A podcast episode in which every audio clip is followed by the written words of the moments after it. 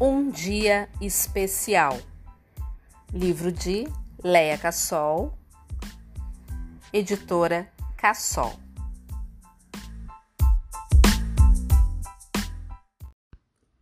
Capítulo 5, parte 2 O Passeio. Depois de sair da Casa de Cultura Mário Quintana, fomos ao Margues, Museu de Artes do Rio Grande do Sul, que fica na Praça da Alfândega Praça da Alfândega? estranhou Beto. É isso mesmo.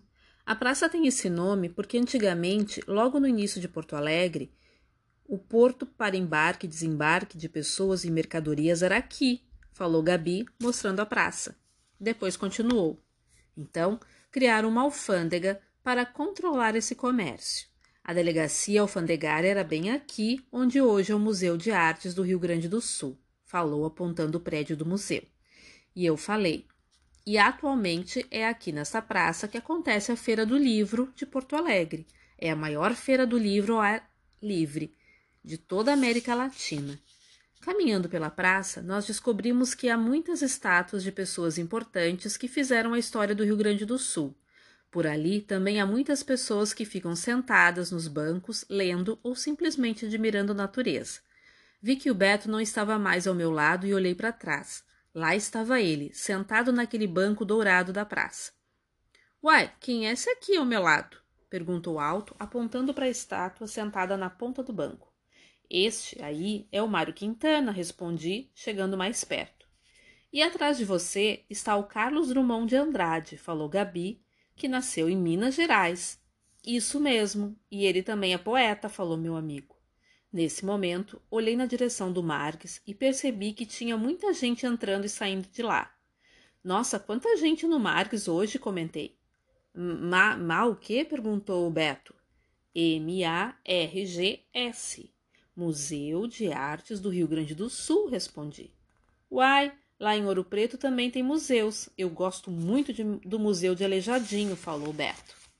Aleijadinho? perguntou. Achei Palavra esquisita. Quem é ele? Aleijadinho é o apelido de Antônio Francisco Lisboa, um grande escultor brasileiro, não é, Beto? perguntou Gabi. Ele balançou a cabeça para cima e para baixo, dizendo: É, e ele ganhou esse apelido porque tinha uma doença que deformava os pés e outras partes do corpo.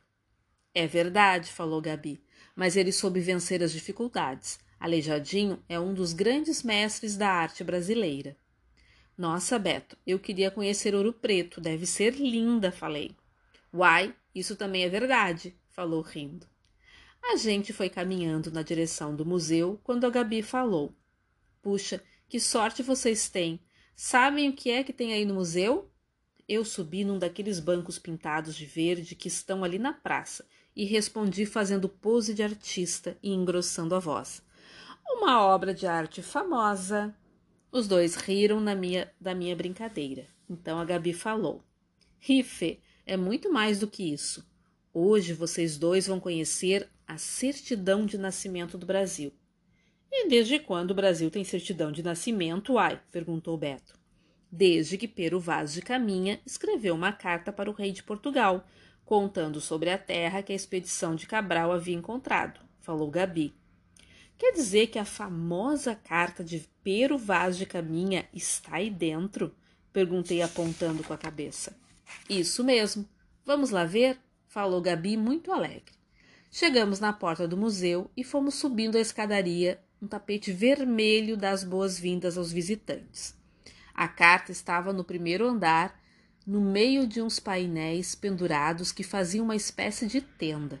Tinha pouca luz, porque a obra não pode ficar exposta a muita claridade para não se estragar.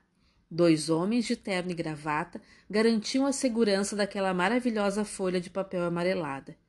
Nossa, que arrepio! falei no ouvido do Beto. Fê, dá uma olhada na sua irmã, falou meu amigo. Olhei e vi que ela nem piscava. Ela gostava muito de ler e de descobrir coisas novas. Quando a gente saiu do museu, ela disse: Talvez esta seja a primeira e última vez que vimos esta obra de arte. Hoje eu estou muito feliz.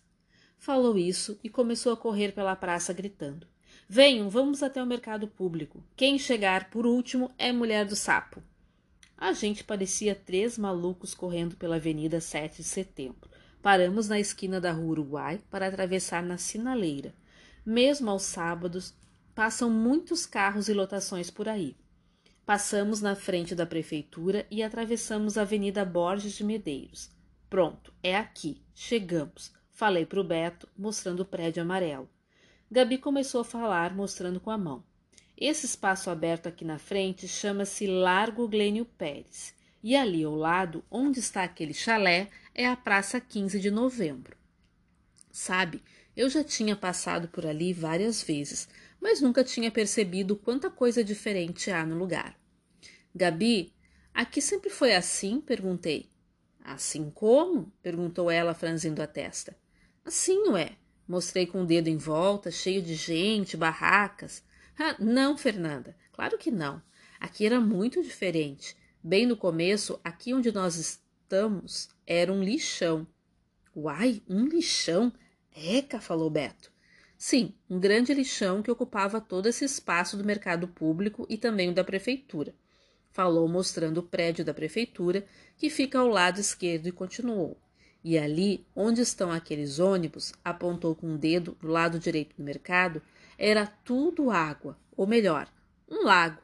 Os barcos menores ficavam ancorados ali. O comércio era feito lá na Praça da Alfândega, lembra? Depois de muito tempo, eles resolveram construir aqui e foram colocando terra, arrumando e transformando este lugar. A gente entrou no mercado e ficou olhando os diferentes produtos que estão à venda lá dentro. Gabi comprou ervas aromáticas para colocar dentro das almofadas do quarto. Depois de muito caminhar, a gente sentou no pé da escada para descansar um pouco e tomar a água que o Beto tinha comprado. Minha irmã abriu a mochila para ver se o lanche estava em ordem. Também quem mandou vir correndo. Saímos do mercado público e fomos andando a pé até a prefeitura, que fica ao lado. É só atravessar a Avenida Borges de Medeiros. Que chafariz estranho, falou Beto, mostrando o monumento que ficava à frente da prefeitura. Chama-se Fonte Talavera de la Reina. Foi um presente da comunidade espanhola para a cidade quando o Rio Grande do Sul comemorou 100 anos da Revolução Farroupilha. Tá, Beto, não precisa nem perguntar o que foi a Revolução Farroupilha, falei rindo dele.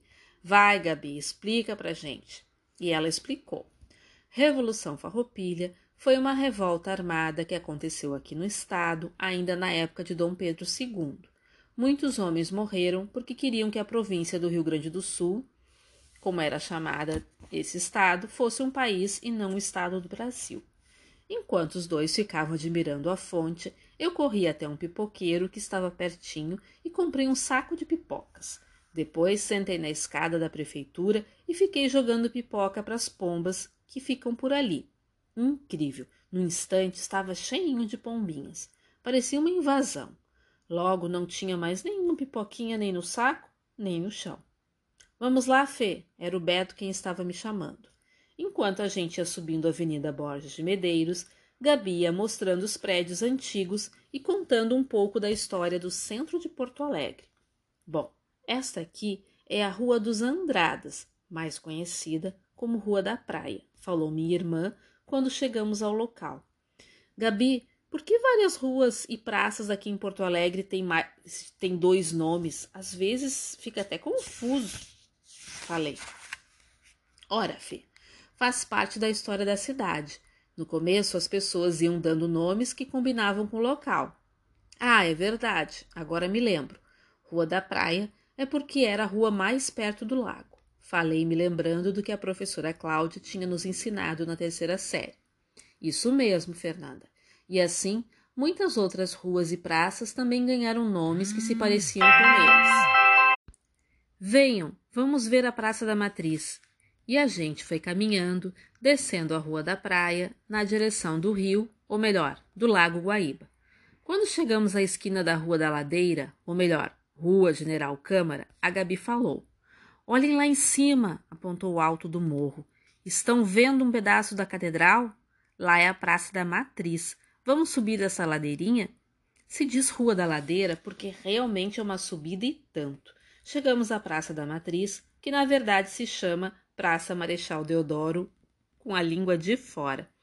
Uma grande estátua do Júlio de Castilhos foi quem nos recebeu lá na praça. Tinha muita gente por lá, pessoas brincando, pessoas sentadas com cuia térmica nas mãos, crianças correndo com cachorro, gente grande empurrando gente pequena no balanço. Olhem, crianças, falou Gabi, ao redor desta praça estão situadas as sedes dos três poderes que governam o Estado. Eu já fui na Praça dos Três Poderes em Brasília, falou Beto. Brasília fica no estado de Minas Gerais. Eu perguntei. Não, Fê, ele respondeu. Brasília fica no estado de Goiás, mas não é tão longe. Eu tenho uma tia que mora lá e às vezes eu vou visitar meus primos. Bah, que tri, falei admirada. Um dia eu também vou lá. E Gabi continuou. Ali fica o Palácio Piratini, é o poder executivo. Também é ali que mora o governador do estado.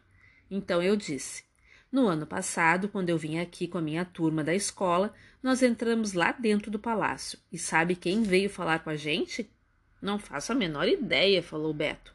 O governador em pessoa. A gente deu maior sorte e até tiramos foto com ele. Foi trilegal. Aonde mais vocês foram? perguntou Gabi.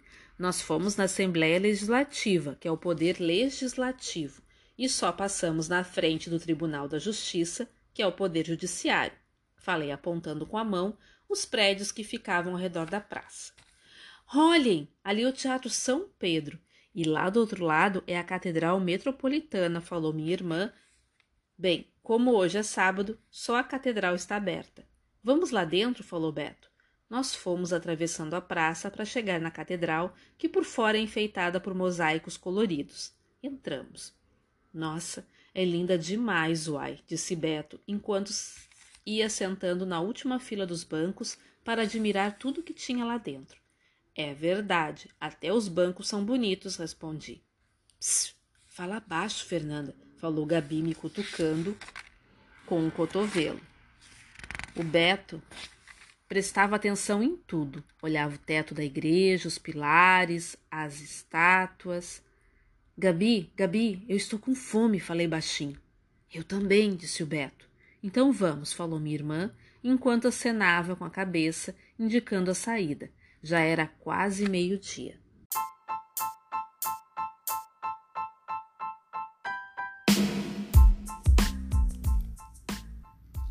Capítulo 5 continua.